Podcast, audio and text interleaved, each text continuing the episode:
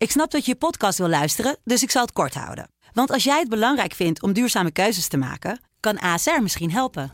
Nou hoor ik je denken, hoe dan? Nou, bijvoorbeeld bij het duurzaam herstellen van schade. Of de premies die we beleggen volgens ons duurzaam beleggingsbeleid. Dat bepaalt waar we wel en juist niet in investeren.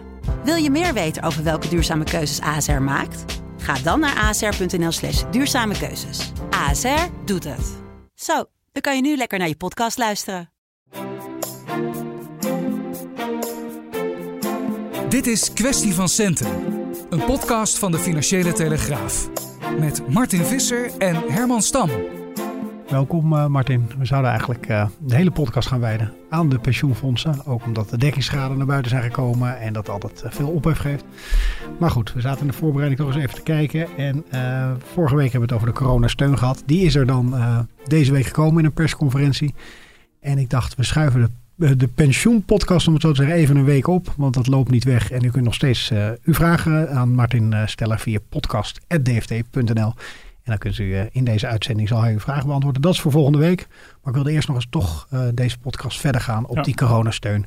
Wat jou opvalt, wat de startende ondernemer eraan heeft. Want er is nog een hoop te bespreken. Ja. En ook vooral, dat viel me ook een beetje op nu we zo tegenover elkaar zaten. Ook nog toch best wel veel onduidelijkheid van waar nou welk geld heen gaat. En ja.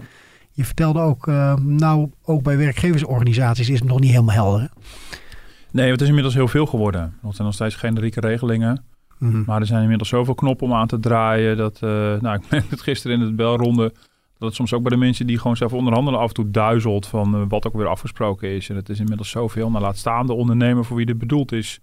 Om dat overzicht te... En ik merk het zelf ook hoor. Nou, we eens eerder een podcast hierover opgenomen. Toen kon ik uit mijn hoofd zo, uh, zo, rut, zo allemaal opzommen van ja, hoe het allemaal Al die zat. afkortingen wist je dan? Uh, alle ja. afkortingen, nou, die weet ik inmiddels voor mij ook nog steeds. Maar, uh, maar ook, ja, de, de, grenzen verschuiven steeds. En, en, dus, dus dat maakt het ook wel steeds ingewikkelder. Ja. Hoe, in hoeverre denk je, moeten ondernemers eigenlijk altijd hier iemand voor inhuren om die steun aan te vragen? Of kan je het echt wel zelf? Ja, nou, um, ja, ik denk dat heel veel ondernemers sowieso al een boekhouder hebben. Dus um, um, nou, die kan je het lekker allemaal laten uitzoeken. Uh, lijkt me, lijkt me handig. En um, ja, ik weet niet, er zullen er ook bij zijn uh, die, die, die dit allemaal zelf prima kunnen. Dus, uh, maar goed, we hebben de, de, afgelopen tijd veel contact met ondernemers. En hoor je toch heel vaak zeggen, ja, mijn boekhouder heeft dit even uitgezocht. Mm -hmm. Ja, dan kan ik me ook wel voorstellen dat je zelf even concentreert op andere dingen. Ja. Um, ja, toch gewoon, ja, je moet even goed uitzoeken hoe die regeling werkt. En als je dan vervolgens ook um, te horen krijgt op welk bedrag je recht hebt, is het ook wel handig dat dat jij zelf of je boekhouder natuurlijk even voor je nadenkt. Klopt het eigenlijk wel? En uh, of is er een foutje gemaakt, kan je even een bezwaar gaan. En, uh, want ja, dat krijg je natuurlijk ook wel terug. Heel veel ondernemers hebben op basis van de persconferenties die ze zien... Uh, een andere indruk dan, dan wat er vervolgens uitrolt. Nou, die hadden we van de week ook in de krant. Een kapper die ook zei naar mijn vrouw, die dat gewoon te jank op de bank... toen ik een envelop had opgemaakt met hoeveel steun we zouden gaan krijgen. Mm -hmm. de indruk is de indruk is ook bij heel veel ondernemers. Van, van teleurstelling, hè? Ja, van, van teleurstelling. Ja, ja, ja, ja. ja. Ja, ja, janken doe je meestal niet van, van blijdschap. Dan, dan noem je het eerder huilen. Maar, uh, nee, maar zo maar, laag was het bedrag. Ja, dus, dat viel ontzettend uh, tegen. Ja, dat is ja. toch een indruk van, nou, we worden wel grotendeels gecompenseerd. Maar het hangt mm -hmm. er heel erg vanaf van in, in welke maand die schade is. Wat zo'n decembermaand, dat je deels open was en deels gesloten. Ja, en dat je dan, uh, weet ik veel, de laatste twee weken dicht bent. Precies de allerbeste weken. Mm. Um, ja, daar houden die berekeningen allemaal niet zo rekening mee natuurlijk. Maar, maar betekent dat ook in het voorbeeld wat je zegt... dat je dan uh, zelf een soort inschatting maakt... wat je inlevert van nou, dit denk ik aan steun te moeten krijgen... en dat het dus zo enorm kan tegenvallen ja. als je die brief dan krijgt? Ja, omdat je natuurlijk, omdat ik kan me goed voorstellen dat heel veel ondernemers denken van... nou ja, uh, ja, mijn kosten zullen wel voor een heel groot deel worden gecompenseerd. Ik bedoel, ze weten mm. dat het niet 100% is. Ja, en dan valt het in sommige gevallen heel erg tegen. Uh, omdat het een veel kleiner percentage is. Zeker bijvoorbeeld zo'n gebroken maand, zeg maar. Ja. En dan zo'n maand januari is natuurlijk weer anders. Als je dan de hele maand dicht bent, nou, dan zie je de volle, een volle map komen. Deze specifieke kapper, die zei ook dat hij bijvoorbeeld, uh, had ook Tozo aangevraagd, die steun voor ZZP'ers bij de gemeente. Ja, dan kreeg hij ook een deel daarvan in de maand december. Nou, in de maand januari kreeg hij wel dan de volle map, dus dat viel dan weer een beetje mee. Mm. Maar um, ja, ik kan me goed voorstellen dat heel veel kleine ondernemers ook door de boom het bos niet meer zien. Ja, Zo'n bedrag, hè, wat dan genoemd wordt, hè, moet dat dan rust geven van, joh, uh, met deze miljarden ja. uh, komen we, uh, zingen we het uit tot, tot de lockdown over? Hè? Ja, ik denk dat 7,6 miljard is nu extra uitgetrokken. Het is altijd maar een schatting. En um, ja, dat, dat is echt wel een fors bedrag hoor, voor de, voor de extra steun. En ehm, ja, volgens mij zijn die diepe zakken van Bob Hoekstra overigens daarmee nog niet, nog niet leeg. Want de teller stond ja, ergens, waren ze onderweg naar de 60. Um, en er 55 bij benadering voor, voor 2020 en 2021. En dan komt dan dit er nog een keer bij. En de diepe zakken zouden voor 90 miljard ongeveer zijn. Dus er is echt nog wat ruimte. Uh, maar dit is natuurlijk wel weer een fors bedrag. En mm. wat natuurlijk van de week gepresenteerd is, uh, donderdag, uh, eind van de middag, is ook in die zin niet misselijk. Het is echt een forse uitbreiding. En ook een, een hele duidelijke wijziging van koers. Die zagen we eerder al en die is nu echt heel duidelijk bevestigd. In die zin van dat de steunpakketten per 1 januari en per 1 april versoberd zouden worden. Stap voor stap uh, worden afgebouwd om ondernemers steeds meer eigen risico te laten nemen en eigen verantwoordelijkheid. Um, en ja, nu gebeurt het omgekeerde. Die versoberingen zijn eruit, alles wordt opgeplust. Dat gebeurde in januari al enigszins met een, met de streep door de versobering. En nu is het inderdaad niet alleen een streep door de versobering, maar wordt ook gewoon de, de pakketten uitgebreid. Dus een heel duidelijk. En dat is heel verdedigbaar, vind ik omdat we weten dat deze crisis eindig is. Het regent ook weer slecht nieuws de laatste weken. Ja. Maar laten we ons er voorlopig gaan vasthouden dat ergens rond de zomer, ervoor of daarna, dit een keer ophoudt. En dan, ja, dan is versobering van de steun niet logisch. Ja. We zagen nieuwe uh, gezichten bij die persconferenties. Ja. Uh, de, de mist die eigenlijk uh, wie we zal. Ja, dat natuurlijk even. Ja, ik, ik zit natuurlijk niet iedere dag in Den Haag. Dus uh, ik weet van mijn Haagse collega's dat die, dat die daar als een grote belofte wordt gezien, Bas van het Woud. En voor mij was, was hij relatief onbekend. Ja. En um, mede geselecteerd. Jong nog ook, hè? Ja, ja, ja. mede geselecteerd ook op zijn achternaam natuurlijk. Uh, want hij moest wel in het rijtje van de drie W's passen. Ja, ja. Dus, uh, dus, dan hebben we Wopke, Wout en Wouter. Ja. En um, nee, maar het schijnt een, heb ik me laten vertellen, een belofte te zijn. En nou goed, dat moet ook een beetje blijken. Dan kan je op basis van deze optreden natuurlijk mm. ook allemaal niet, allemaal niet zeggen. Maar hij heeft natuurlijk een heel andere uitstraling, een andere toon dan dan Wiebes, zeker. Ja. Nee, maar bij Wiebes en, en bij Mona Keizer werd natuurlijk gezegd van dat zijn de twee in het kabinet die heel erg fel zijn van uh, pas nou op dat je die ondernemers ja, of niet... Hij dat, uh, of hij die rol gaat spelen moet nog een beetje blijken. Maar je ziet ook nu dat die felle, die felle rol misschien ook nu minder nodig is. Omdat natuurlijk het hele kabinet er nu van doordrongen is dat, dat dit zal moeten. Mm -hmm. En uh, die felle toon overigens... was, het speelde niet zozeer primair een rol bij de steunpakketten, maar wel bij de mogelijkheden om weer open te gaan. En dat gaat natuurlijk straks wel op een gegeven moment volop spelen. En ik ben heel benieuwd hoe hij dat gaat doen. En daarvan werd steeds gezegd dat, dat Wiebes toch echt wel creatief was en ook wel ruimte zocht en uh, experimenten aanmoedigde, met de branches in gesprek was. Ja, of hij dat op diezelfde manier gaat doen, dat, moet, dat zal nog moeten blijken. Ja. Hoe, uh, hoe ging het in aanloop naar die persconferentie? Want hij werd wat uitgesteld hè, qua ja. tijdstip. Uh, dat betekent dat de werkgevers en de werknemersorganisaties nog praten met het kabinet. Ja. En wat hoorde jij terug waar dan nog oneenigheid eventueel over was of wat nog niet zo goed liep? Nou, het was dus blijkbaar heel erg ingewikkeld en heel moeilijk. Sowieso heeft het natuurlijk even geduurd voordat het allemaal rond was. Um, omdat het groot is en dat het toch staat te zoeken ook om nieuwe dingen te gaan doen. En... Um, ja, er zou in principe gisteren uh, in de loop van de middag, ik geloof om een uur of vier, een persconferentie zijn. Uh, en al vrij snel wordt duidelijk dat er om half één nog een overleg met de polder was. Met alle voorzitters van de vakbonden en de werkgevers. Um, ja, en dat bleek geen formaliteit te zijn. Dat duurde een heel aantal uren. Um, heel even dacht men nog ook van nou, het steunpakket komt pas een dag later. Want het is, het is niet helemaal, helemaal rond. Maar je ziet wel dat nu premier Rutte heeft gezegd... we gaan uh, in deze laatste fase proberen om zoveel mogelijk ondernemers... en dus ook banen door die laatste van de crisis te trekken... dat daar maar het lobbyregister helemaal opengetrokken is. Dat, uh, uh, ja, de, de, de, de, zowel van beide partijen hoor... maar ook aan de werkgeverskant zie je dat de, de lijst met wensen eindeloos was. Mm -hmm. Ja, men ziet ook wel van dit is wel de kans om zoveel mogelijk op te plussen. Nou, en, um, ja, en wat met name... begrijp ik lastig uh, lag, die, die uren. En uiteindelijk is het allemaal op het spootje terechtgekomen. Hè. Waardoor is de persconferentie uitgesteld. Eerst naar vijf uur en half zes. Maar ja, weet je, dat is... Uh, waar, waar hebben we het over? Op zo'n mm. dag is het voor ons dan in het journalistieke proces even spannend. En ja, bij ons komt er wat paniek van, gaat het wel lukken qua krant? Precies, en, dat is maar, maar een planning waar gewoon uh, de, de, door zijn luisteraar natuurlijk verder totaal geen nee, boodschap aan heeft. En van een ondernemer zou het, nou ja, het maakt natuurlijk geen moer uit of het nou om vier uur om half bekend wordt gemaakt. Maar het zegt iets over hoe lastig het even toch ook lag. Nou, aan de vakbondzijde was er een grote wens om een coronaverlof te regelen. Dat, uh, dat er een, een, gunstige regeling komt, mede gefinancierd uh, door de overheid. Dat mensen die, die de zorg voor hun kinderen en, en het thuiswerk uh, niet kunnen combineren bij een manier verlof kunnen nemen. Niet al hun vakantiedagen hoeven op te mhm. souffleren. Mm -hmm. Nou ja, in, in, in de brief lees ik daar niets over. De vakbonden beweren dat er verder over gesproken gaat worden. Ik zie geen enkele ruimte daarvoor.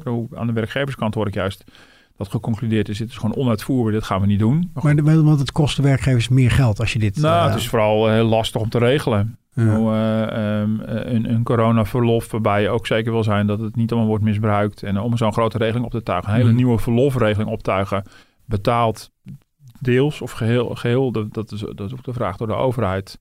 Um, uh, dus dus de, de, werkgevers zijn niet enthousiast, misschien omdat zij daar ook een bijdrage moeten leveren, maar vooral omdat ze het niet zien zitten om een soort, soort algeheel geldige verlofregeling over heel Nederland uit te rollen. En die bovendien eventueel voor de korte termijn kan zijn. Want uh, die kinderen gaan uh, hopelijk uh, begin februari ja. toch weer naar school. Ja, laat het hopen ja. ja. En dan is, het, is het niet meer nodig.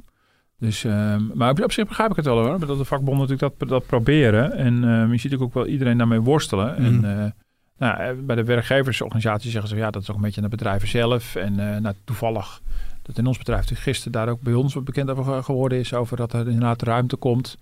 Um, ja, en dat je dat als werkgever en werknemer daar zelf je bijdrage aan levert. Om te kijken of je toch misschien dat bijzondere verlof kan opnemen. Mm -hmm. En ik begrijp al dat je dat aan de inventiviteit van de, van de werkgevers eh, overlaat. En het overleg op het bedrijfsniveau.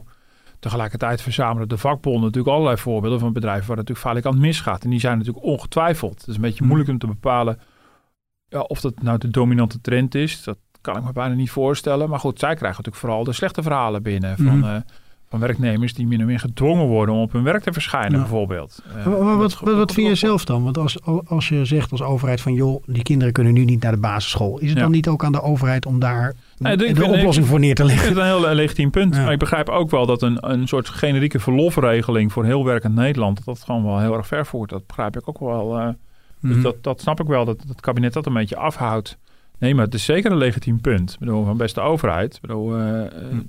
ja, heel veel mensen moeten nu die combinatie zien te maken. Van nou, en hoe dacht je dat dan op te lossen? Ja, ja ik zeg het misschien zelf ook wel als extreem uh, vermoeide vader hoor, van jonge kinderen. Maar dat is bij jou natuurlijk ook het geval. Uh, ja, nee, zeker. Dus ja. Um, ja. Nou, ik weet niet of de bedoeling is dat jij verlof gaat want die kant moet wel gemaakt worden, man. Oh, ja. Maar, um, dus aan de kant van de vakbonden was dat een lastig punt. Mm. En hebben ze, ja, hebben ze gewoon fors, uh, het was al daar, we hadden al in kranten, uh, collega Joost had al opgeschreven dat het er niet ging komen. De, de, de, die wist het een dag van tevoren al. Maar toch hebben de vakbonden in zijn overleg dat ik weer opnieuw opgevoerd. En niet meteen losgelaten. En dat, dat lijkt me ook logisch, dat is ook hun, dat is ook hun rol. Mm. Aan de werkgeverskant waren er twee zaken uh, die, uh, die, die even tijd vergden. En de ene was een uitbreiding van die vaste lastenregeling. Die is er overigens wel gekomen. Dat is een forse, een forse uitbreiding uh, daarvan. Ja, die, daar was wel het een en ander in, in beweging gezet. Maar de werkgevers wilden toch proberen het maximale eruit te halen. Dat ook, ook het grotere bedrijfsleven ook kon, daar gebruik van kon maken. Er zit mm -hmm. weliswaar nog steeds een plafond op. Maar ze wilden eigenlijk dat plafond omhoog. Maar dat schijnt vanwege staatssteunregels weer moeilijk te liggen. Dus dat is een eh, onderdeel van gesprek. Daar zeggen we dan bij dat VNO goed zijn werk heeft gedaan. Want die is toch altijd meer voor de grotere bedrijven, of niet? Ja, maar MKB zit ook aan tafel. Ze zitten er allebei. Mm. En wat, ze, wat ze nu voor elkaar hebben gekregen... of wat het kabinet uh, heeft aangeboden... ik weet niet precies hoe, wat precies het krachtenspel was is dat deze regeling voor de tegemoetkoming van vaste lasten is A verruimd van 70% naar 85%. Dus dat is substantieel. Mm En hij is naar beide kanten toe ook opgerekt. Hij is en aantrekkelijker geworden voor grotere bedrijven. Um, en ook aantrekkelijker geworden voor hele kleine bedrijven. Bedrijven echt voor kleine vergoedingen. Die we de, de allerkleinste vergoedingen waren eigenlijk uitgesloten. Waarschijnlijk omdat het uitvoeringstechnisch dan bijna niet meer opweegt. Maar voor een ondernemer kan soms een paar honderd euro natuurlijk heel erg uitmaken. Mm En bij het grote bedrijfsleven hoef je niet meteen allemaal te denken aan, aan de, de Unilevers en de Shells. Hè. Ik bedoel, dat kan ook een, een winkelketen zijn. Mm bedoel, een, een, grote schoenenreus of iets. Uh, het gaan we niet om die naam specifiek, maar gewoon een, een, een schoenen, schoenenketen bijvoorbeeld. Uh, uh, een, groot winkelbedrijf, uh, meerdere winkels die over de 250 man personeel heen mhm. gaat, die viel gewoon buiten de regeling. Of een hotelketen, ja. uh, restaurantketen, dat soort, dat soort werk. En die vallen, die, uh, die zijn nu niet meer uitgesloten. Uh, die grens lag op 250 medewerkers en die grens is losgelaten. Maar er zit wel een, een, een, plafond in hoeveel je kan krijgen. Je kan nu voor grotere bedrijven 4 ton krijgen per drie maanden. Ja. En tegemoet komen vast. Want even kijken, de regeling geldt dan nu tot... Deze regeling is tot, tot de regeling is tot 1 juli. Ja. En ehm, het werd steeds gedaan in blokken van drie maanden. Van 1, 1 januari tot, eh, tot 1 april. Van 1 april tot 1 juli. Maar in principe hebben ze nu gewoon doorgetrokken tot, eh, tot, tot de zomer. En wat er dan na eh, 1 juli gebeurt, dat zien we dan wel weer. Mhm. Is, eh, is de gedachte. Maar het is nu gewoon voor, voor beide kwartalen zo neergelegd. En dat betekent dus dat je 85% van je vaste lasten eh, vergoed kan krijgen als je 100% omzetverlies hebt. Dat is ook even belangrijk om te zeggen. Als je natuurlijk een, een beetje omzet weet binnen te halen door dingen thuis te bezorgen of op een andere manier via je webshop of wat dan ook. Ja, dan heb je ook iets minder omzetverlies. Ja. Dan heb je natuurlijk naar rato ook iets minder tegemoetkoming in die vaste lasten. Dat vind ik altijd interessant, want dan denk ik altijd van ja, eh, moedig je daar ook niet mee aan dat sommige mensen denken van nou, ik ga maar helemaal niet proberen om nog omzetten maar up te pakken, Ja. want eh, joh, ik krijg dan eh, toch wel die volledige Ja, nou vergoeding. ja, dat, zou dat zou zijn als je een 100% subsidie, subsidie zou geven. Nu Mhm. zit natuurlijk gewoon een stukje eigen, nog een deel, eh 15% moet je nog zelf betalen. Ja. Dat zit er nog in, dus dan, dan zou je dat moeten voorkomen. Ehm, het is ook de vraag, dat, het, natuurlijk kan dat. Het natuurlijk kan dat, maar het is ook de vraag of het in principe in, in het DNA van een ondernemer zit om te denken van weet je wat, ik ga moed, moedwillig 0 euro omzet draaien. Natuurlijk zullen, zullen de ondernemers bij de pakken neerzitten of... eh, en er zijn ook wel, dat vind ik ook wel lastig. Dat was ook iets wat minister Koolmees gisteren zei. Van, ja, we, we zetten dat niet op 100%. We willen ook ondernemers een prikkel blijven geven om, om zelf omzet te maken. Mhm. Eh, dat zegt hij natuurlijk erbij. Dat is niet altijd even makkelijk, eh, denk ik. ik. Sprak van de week eh, voor een aantal portretten ook een café- café-eigenaar. die is dan een webshop begonnen voor speciaal bieren. Mhm. En die haalde, haalde net een beetje omzet uit, waardoor hij precies inderdaad het gat van de compensatie kon dichten. Dus die speelde dan net kiet, had nog geen inkomen, maar Ja. kwam dan net uit de kosten. Maar bijvoorbeeld een, een kapper is alweer veel ingewikkelder. Ehm, eh, want ja, zijn dienst is natuurlijk gewoon knippen. En dat mag ook niet aan huis. Nee. Dus er zijn ook wel degelijk dingen dicht. Een sportschool, eh, dat, ik bedoel, ja, je Ja. kan niet bij mensen thuis En ineens je bedoelt, die heeft echt niet die ruimte om die 15% Nee, dus, ergens dus, vandaan dus te halen. in, kijk, ja. in, bij winkels en bij horeca is het makkelijker, Mhm. ehm, tussen aanhalingstekens, relatief makkelijker, om in ieder geval nog datgene wat je altijd al deed, maar helemaal niet dan ook online en Ja. aan, aan huis te doen. En dan nog, hè, ik bedoel, ik heb het met mijn, eh, ik had het laatst met, met mijn Bruna, op Eiburg hebben we een hele goede Bruna, die echt, echt ook een goede boekhandel is. Ik bedoel, eh, een, prachtige, prachtige winkel. Je krijgt de Eh, volgende keer wel een, eh, een gratis boek, denk ik. Hoor. Deze reclame. Ja, hoor, nee, dat valt, valt reuze mee. Nou, die bezorgt ook wel een huis. Die hebben dan op de winkel, natuurlijk, eh, dat, zoals heel veel eh, win- winkeliers het inmiddels doen. En die hebben Mhm. gewoon ingezet, nou, mail ons. En eh, die hebben geen webshop. Eh, maar die, eh, die kan je gewoon mailen. En dat gaat natuurlijk heel makkelijk in zo'n wijk. Mhm. Ik zeg, kan ik het niet even komen ophalen dan? Nee, dat mag dan weer niet. Ik je mag het, je moet het laten bezorgen. Ja, dus ik vraag me af of zo'n winkel of mensen nou massaal daar boeken gaan bestellen en thuis laten bezorgen. Ja, dat blijft toch wel lastig. Het kan dus wel, maar weeg dat op. Ik keek ook naar dat café met die speciaal bieren en denk ja, qua prijs is het ook echt moeilijk om dan te concurreren met Ja. de speciaal bieren die ook de Albert Heijn gewoon eh, heeft eh, en die je gewoon even de slipstream van je boodschappen meeneemt. Eh, dus ook al kan het, blijft het nog wel echt wel moeilijk hoor. Want je zit in een ander segment. Hè? Ik bedoel, naar het café ga je natuurlijk eigenlijk niet om een speciaal bier thuis te laten bezorgen. Maar gooi, ga je naar de sfeer van dat café en wil je het speciaal bier daar drinken. Mhm. Aan de bar, eh, met je vrienden. ehm. dus ja, of, of je daar nou wonderen van moet verwachten. ehm, dat, dat is de vraag. En eh, om het af te maken, we hadden nog een ander punt. ehm, en dat is wat, wat eh, de werkgevers ook in onze krant vorige week duidelijk maakten. Van er is meer dan alleen maar het compenseren van kosten. We hebben ook een punt aan de kant van de inkomens van, van ondernemers. En inmiddels ook, ook aan de vermogens en de schulden. Eh, en dat punt wordt nader uitgewerkt. Dus dat een heel, heel algemeen, nou ja, weinig zeggend zinnetje in, eh, in, eh, in de brief over. Ehm, eh, ja, dat er gekeken wordt naar de solvabiliteitspositie van, van het midden- en kleinbedrijf. Mhm. Maar wat, natuurlijk, wat, wat je nu steeds meer gaat zien en gaat horen, is dat het, nou, het, is, het is heel goed dat er kosten worden gecompenseerd. Nou, de vaste lasten tot 85%. De, de, de loonkosten zijn ook weer opgeplust.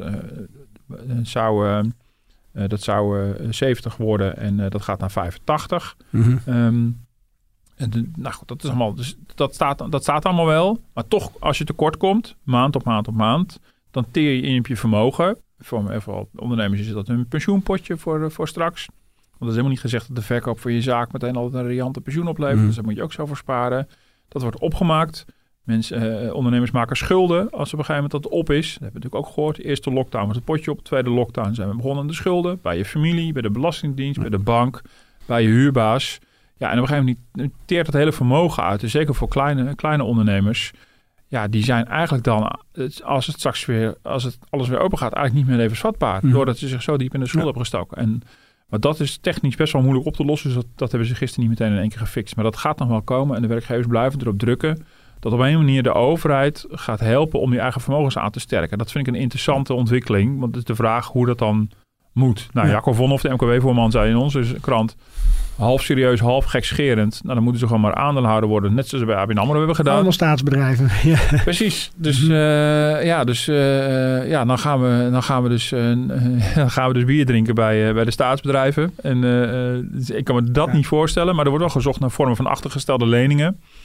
Eh, want die mag je bij je vermogen dan eh, rekenen. En ja, wat, wat, wat de werkgevers heel graag zouden willen... is dat die belastingsschuld die is opgebouwd... dat dat omgezet wordt in een vorm van eigen vermogen. Mhm. Nou goed, daar hebben ze niet meteen eh, een, een klap op gegeven. Gisteren, dat was gewoon net even, dat voerde net iets te ver.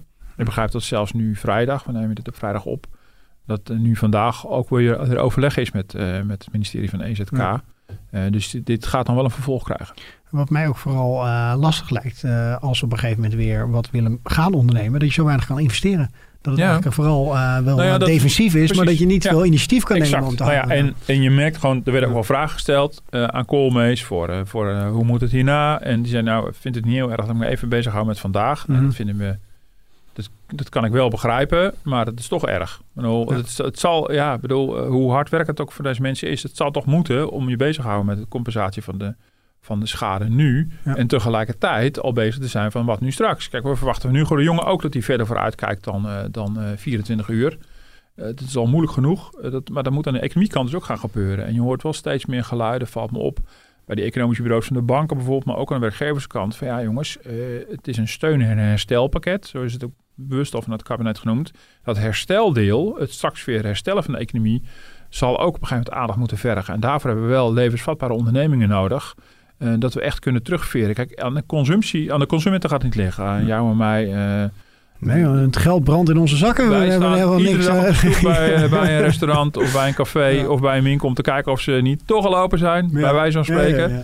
En, en, dan, en dan gaan we los. Dat is overigens nog geen inhaalvraag, want je gaat denk ik Moeten niet... trouwens nog wel, moeten niet te veel op een gegeven moment ontslagen vallen. Nee, En, nee eh, dus moeten, die die, dat moeten, ja. die zaken moeten ook A, overleven. Dat is Mhm. dat steunpakket. Maar vervolgens is het natuurlijk wel de vraag van... ik- ik- ik- Hebben ondernemers nog vet op de botten? Nou, Koolmees zei al van al het vet is eraf geschraapt. En ja, het, is ook wel inge- het is ook de vraag of je van een overheid kan verwachten...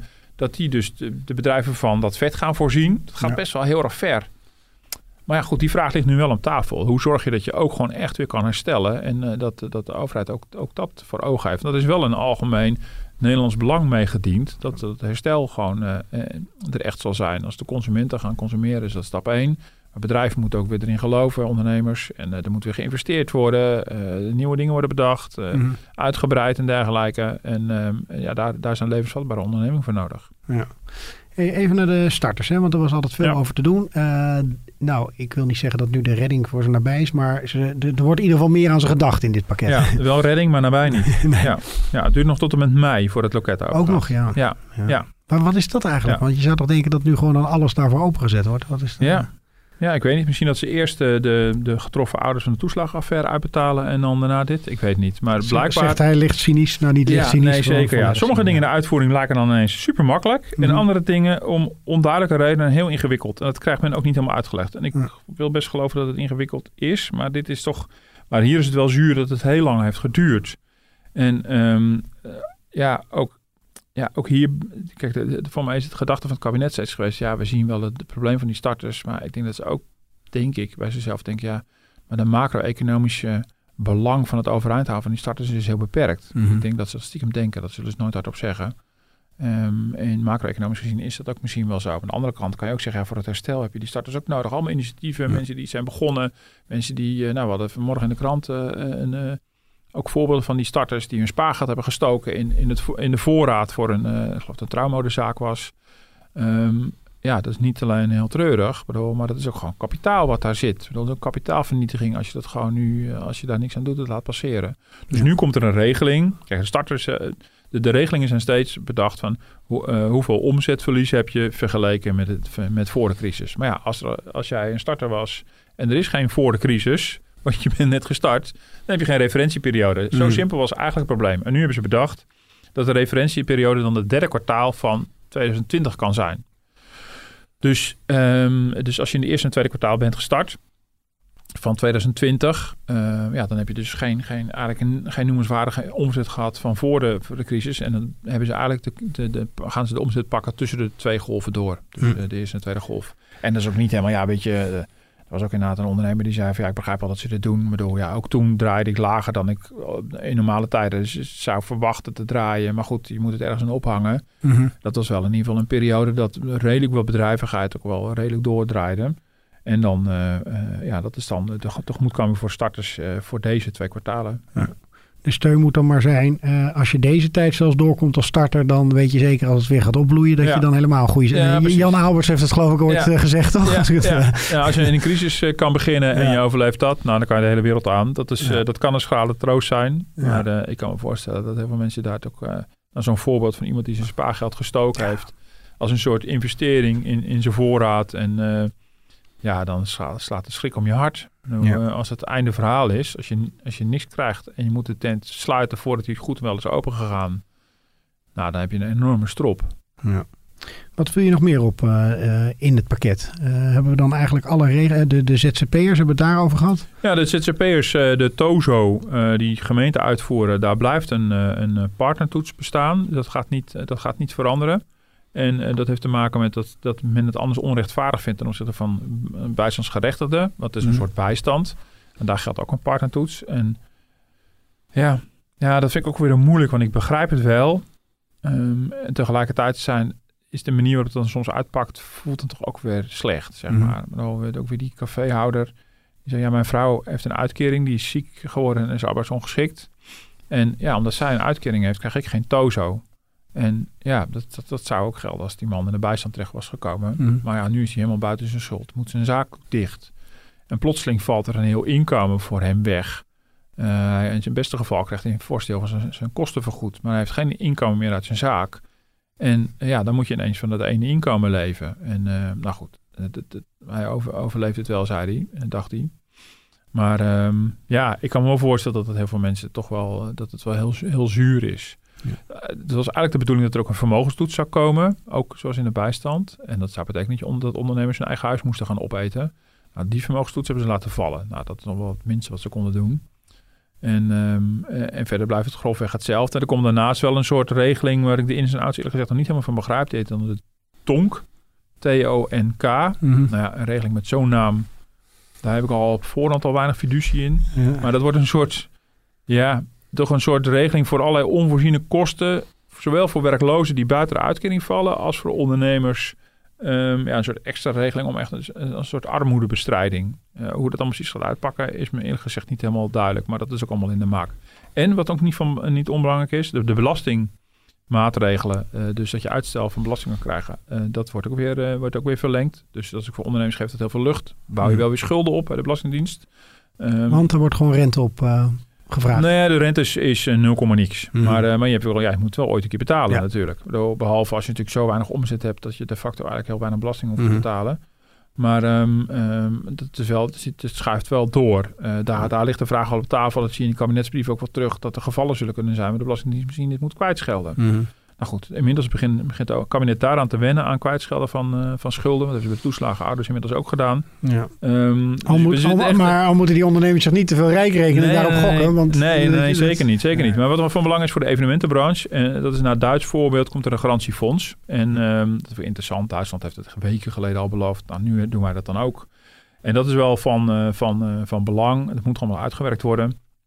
Maar dat betekent dat eh, in principe festivalorganisatoren zouden in principe voor deze zomer dingen op touw kunnen gaan zetten. En eh, mocht door corona eh, het alsnog niet mogelijk zijn, dan zijn hun investeringen gegarandeerd. Nou, ehm, daar is 300 miljoen voor gereserveerd. En de, de precieze invulling werkt het kabinet nog uit, staat er dan. Dus als organisator zou ik heel even afwachten voordat je zelf Ja. voor tienduizenden euro's in de kosten steekt. Maar dat is, dat is natuurlijk een hele logische gedachte. Als je weet van ja, ergens halverwege dit jaar is het voorbij. Dan wil je natuurlijk voorkomen dat je die zomer voor deze branche voorbij laat gaan. Want die heb je dan pas het komende jaar erop. Ja. Dus ehm, en ja, idealiter zeggen we nou, organiseer het maar. Kan het toch niet doorgaan, vergoeden wij het. En dan volgend jaar nog een keer proberen. Ehm, ja, dus in Duitsland hadden ze dat al bedacht. En uh, nu wij dus ook. Ja. En er komt nog een extra, uh, dan hebben we het helemaal compleet, een voorraadvergoeding voor de detailhandel. Die hadden ze al. Mhm. En uh, de, de horeca had eerder al een soort koelkastvergoeding gekregen voor bederfelijke waar. Ehm, maar ook de detailhandel met modegevoelige voorraden krijgen een vergoeding. Dat kregen ze al. En deze vergoeding is wat ruimhartiger. En um, ja, goed, met de gedachte natuurlijk als je kleding of zo hebt, ja. uh, dan, uh, ja, dan is het niet meer waardeloos. Dus het is niet gebaseerd op een 100% waardeverlies, maar op een maar het wordt, de waarde wordt wel lager en, en al nagelang daarvan wordt, wordt de compensatie daarvan ook Ja. berekend voor jouw uh, voorraad. Ja, want die voorjaarscollectie die kan u niemand aanschaffen. En, Nee. eh, daar, die Nee, en die is, die volgend jaar niet meer hip. Dan moet nee, aan. die is ja, niet, meer, ja. niet meer hip. En eh, nou, sommige mensen lopen daar gewoon mee, maar ook heel veel mensen niet. Maar, Kijk eh, dan niet naar mij nu. Nee, nee, nee, nee. Maar ehm, ehm, eh, eh, en, en ja, er moet wel een prikkel in zitten voor winkeliers om toch het lef te hebben om ook gewoon weer nieuwe collecties aan te schaffen. Dat lijkt me Mhm. echt, ja, ik bedoel, je zou maar in die schoenen staan. Dat is best wel, eh, Ja. dat is best wel tricky hoor. Weet je, jij en ik zijn in loondienst en we echt makkelijk praten. Maar eh, ja, je weet, als ik straks open ben, dan moet ik natuurlijk wel gewoon weer gewoon up-to-date voorraad hebben. Ik moet wel fatsoenlijke spullen in huis hebben. Ja. Eh, dus het zou ik zou ook zo bang zijn als ondernemer. eh, zijn ze niet eh, op grotere schaal weg qua online bestellen? Komen ze nog wel mijn winkel in? Nou ja, en dat- dat maakt ook. die slag wel Ja, genoeg? dat zo, ook. Weet je? Zeker. Nou, kijk, en bijvoorbeeld de kledingwinkels en schoenenwinkels is natuurlijk ook een goed voorbeeld. Die hebben gewoon überhaupt een heel slecht jaar gehad. Mhm. Die zijn natuurlijk nu pas bij deze lockdown voor het eerst gedwongen dicht. Maar die vorige lockdown eh, mochten ze al die tijd open blijven. Nou, we hadden het eerder over gehad. Die, die eerste twee weken van de lockdown zijn er heel veel uit zichzelf dichtgegaan. Uit onzekerheid. Toen moesten we die anderhalve meter een beetje ontdekken.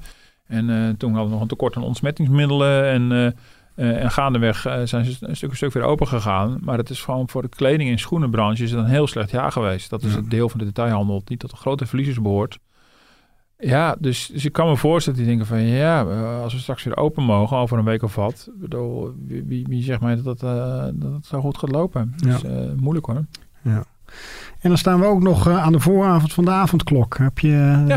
met de werkgeversverklaring, gaat dat eigenlijk nog iets eh, voor de economie ook doen, denk je? Want de bezorgdiensten mogen natuurlijk doorgaan, Ja. maar gaan, Nou, ik viel me in ieder geval op dat een steunpakket wordt daar niet op aangehaakt. En dat is ook eigenlijk niet, niet een, een punt geweest. Ehm, eh, blijkbaar, ik, men gaat er toch vanuit dat, dat nou bijvoorbeeld winkels die wat eerder dicht moeten, dat die op een manier die omzet dan op andere tijdstippen halen. En ja, normaal gesproken zou dit horeca natuurlijk raken, maar goed, die is allemaal al dicht. Mhm. Dus in die zin eh, ehm, eh, ja, lijkt het er even op dat misschien de economische effecten natuurlijk beperkt zijn. Behalve dat natuurlijk wel de urgentie gewoon bij Nederland natuurlijk weer extra vergroot. Dat het echt, echt, echt foute boel is. Ja. Ehm, dus het zal niet positief zijn voor, voor het consumentenvertrouwen wellicht. Maar goed, dat is een beetje een indirecte route. Maar in het steunpakket heeft het geen enkele rol gespeeld. Ik heb het ook nog niet echt gehoord dat er vanuit de ondernemerszijde nou gezegd wordt... nou die avondklok die hindert ons op die en die manier en daar moeten we voor gecompenseerd worden. Nee. Je gaat natuurlijk wel de hele gedoe krijgen met, eh, met, met werkgevers die die verklaringen moeten afgeven. Of personeel. Nou, ja, Alleen maar voor jezelf. eh, Je hebt Ja, zondagavond eh, avonddienst hier op Ja, de ik heb, krant. ik heb avonddienst zondag. En, en ik vind het heel prettig en handig werken om, om in ieder geval zo'n eindredactiedienst, dat is een heel klein ploegje hier op de Mhm. krant, om, om dan even face-to-face bij elkaar te zijn, weliswaar op afstand, om dan snel dingen te kunnen afstemmen. En ja, het, het kan ook wel thuis, maar ja, kijk, het, het, het tikwerk en zo, ja, dat doen we natuurlijk allemaal thuis. Ja. Maar hier heb je natuurlijk ook gewoon een, een heel klein ploegje dat gewoon eh, met je de kern van de redactie op dat moment vormt. mhm. Ja, als die allemaal met elkaar moeten bellen en appen om een beslissing te nemen over de, een wissel van een foto op de voorpagina, ja, dat gaat echt niet werken. Dus, eh, maar goed, er komt, een, er komt een uitzondering ook voor, voor onze beroepsgroep. En Ja. er zullen wel andere beroepsgroepen zijn waar ook, dat ook speelt met allerlei eh, nachtdiensten en avonddiensten. in, in de zorg en in fabrieken. En, ja, dat moet wel even goed geregeld worden. Wordt een vreemde rit voor je naar huis eh, zondag. nou, tegelijkertijd vraag ik me af, ik ben benieuwd of het nou zo is. Ik bedoel, eh, bedoel wat, wat, ja... Ik heb het gevoel dat er helemaal niet zoveel gebeurt, eh, normaal gesproken na, na, na, na tienen. Maar ehm, ja, natuurlijk is er dan verkeer op straat en dan straks bijna niet meer. Nee. Maar goed, eh, ik, ben, ik, heb, ik verheug me vooral op dat, op dat half uurtje, half negen tot, half, van, tot negen. Dat wordt het liberale half uurtje.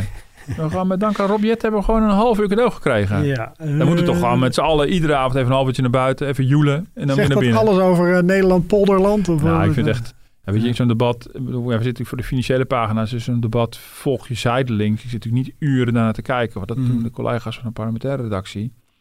Maar het beeld dat je natuurlijk nu wel hebt... is dat ze een hele dag hebben zitten debatteren over een half uur. Ja.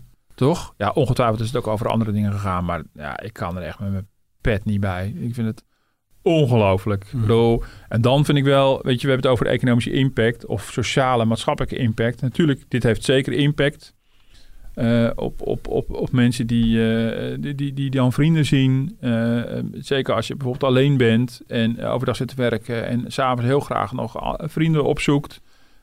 Dus die mogelijkheden worden enorm ingeperkt, dus daar doe ik niks aan af. Maar als je de discussie over de avondklok zet naast de discussie over de sluiting van de scholen bijvoorbeeld, dat echt een heel verstrekkend besluit is, Mhm. eh, vind ik dat echt ongelooflijk. Eh het had voor mij gewoon de hele dag mogen gaan over de vaccinatiestrategie. Mhm. Over, die, eh, over die, die, die schaamtevolle plek in, in, het, in het rijtje waar we onderaan bungelen met Bulgarije.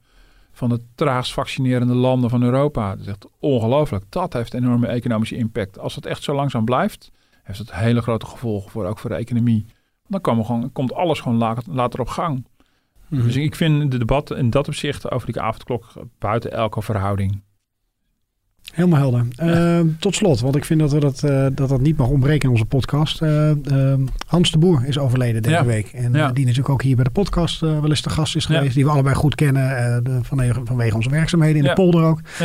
Eh, je had eigenlijk eh, een prachtig eh, afscheidsverhaal over hem geschreven. Ik dacht, misschien is het voor onze luisteraars die dat niet hebben gelezen, de anekdote over, de, de- nou, je moet het zelf maar vertellen, wat ik toch nog eventjes graag mee wilde geven. Nou, Ook als een in- soort herdenking aan Ja. hem van Ja. wat voor een persoon het was. Ja, ja. Nou ja, mijn, ik, ik heb zowel in memoriam geschreven als ook nog een column. Want ik was er toch best wel vol van. Maar ik ken hem al een aantal jaren. En eh, nou, ik, ik, ik kan niet wel vertellen, in, in, in memoriam begon ik met, met, met zijn afscheidsinterview. En ehm, ik weet dat hij, ehm, eh, dat hij er soms moeite mee had als hij na afloop geen gelijk kreeg. Bijvoorbeeld ook van mij of van Mhm. journalisten. En dan had hij gezegd, van, nou, je zal zien, volgend, na de crisis op een gegeven moment, volgend jaar gaan we als een dolle met de economie, had ik je gezegd. Ik zei, nou, ik geloof er helemaal niks van. En dan gebeurde dat vervolgens ook. En dan vond hij ook dat ik het een keer op moest schrijven. Eh, en dat deed ik natuurlijk niet als koppige journalist. Mhm. Dan bedoel, dat wil je gelijk niet toegeven. Maar ik weet dat hij er soms moeite mee had. Dus ik had ook gevraagd of hij, of hij er soms teleurgesteld over was. Of die, eh, dat hij naar zijn idee niet voldoende waarde was geschat. En zei, nou, zoiets. En toen begon hij een verhaal eh, over een boek. ehm, eh, een enorm exposé over een geschiedenisboek over Churchill en Roosevelt in de Tweede Wereldoorlog. Ehm, of ik dat boek kende, nou, ik had er nooit van gehoord. Ehm, One Christmas in Washington, geloof ik dat het heette. Misschien is het wel een heel beroemd boek, en mis ik Mm. echt iets, maar hij was er vol van. En die woordvoerder en ik keken elkaar aan van, is dit een antwoord op mijn vraag? Waar gaat het heen? En we gewoon een heel verhaal over Churchill en Roosevelt, toen in de. Tweede Wereldoorlog Churchill bij Roosevelt was gekomen. En het stond veel uitgebreider in, in zijn verhaal dan ik ooit in de krant kwijt kon. En over eh, eh, hoe, eh, ja, hoe dat, nou goed, de familie Roosevelt, Churchill toch een rare snuiter vonden, maar toch die twee waren in staat om de hele Tweede Wereldoorlog, het verloop ervan, vooruit te plannen, heel goed met elkaar af te stemmen. Het is precies zo gelopen zoals zij toen daar hadden bedacht. En eh, nou, hij had grote bewondering voor deze twee grote leiders. En toen kwam het, nou, vergeleken met twee, twee van zulke giganten, ben ik maar een vliegenpoep op een lampenkap. Ja. Nou ja, dat was, ja... En toen zei hij van, eh, van ja, ik ken mijn plaats zo jongen, wees maar niet bang. Ja, ik vond het zo mooi. Dus aan de ene kant vol bravoer. Ja. Ontzettend ijdel, dat zou hij ook niet ontkend hebben. En tegelijkertijd, bedoel, het is grappig als je zelf zegt, ik ken mijn plaats. Het heeft al iets heel dubbels. Van, ja, Mhm. Ja, dus ik vond, ik vond het heel, eh, eh, vond ik heel leuk. Het is, heel, het, is, ja, het is toch een hele innemende man die voor de buitenwereld nogal horkerig overkwam. Dat zag ik op Twitter ook voorbij komen van hoe ongelooflijk dat heel veel mensen die het niet met hem eens waren, hem een enorme hork vonden en een lomperik. Maar alle mensen die met hem werkten, eh, zo over hem opgaven. Dat kwam toch omdat hij ontwapenend grappig was. En eh, alleen ja, soms de tv. Jesse Klaver eh, ook toespraak van nou vriend. En eh, Ja, ja, ja. op zo'n manier de mensen helemaal de kriebels van kregen. Maar goed, eh, ik, ik, vond het mooi om zo'n verhaal over hem te kunnen maken. Want het is gewoon in de omgang. Het interview was altijd een feest. Ik Ja. bedoel, eh, vanwege de one-liners, de humor. Maar ook gewoon voor en na de tijd persoonlijke interesse in je. En, eh, dus ik vond het mooi op die manier als krant afscheid van hem te kunnen nemen. Ja, nou, we wensen bij deze ook de, zijn familie heel veel sterkte. En mooi dat we hem zo nog eventjes kunnen herinneren. Ja. Ehm, volgende week zijn we weer, zoals beloofd, eh, dan eh, de pensioenpodcast. Dus Ja. eh, stuur dan die vragen naar podcast.dft.nl. Daar heeft u een weekje langer voor. En dan zal Martin ze allemaal gaan beantwoorden. En we zijn te beluisteren op iTunes en op Spotify. Tot volgende week. Tot volgende week.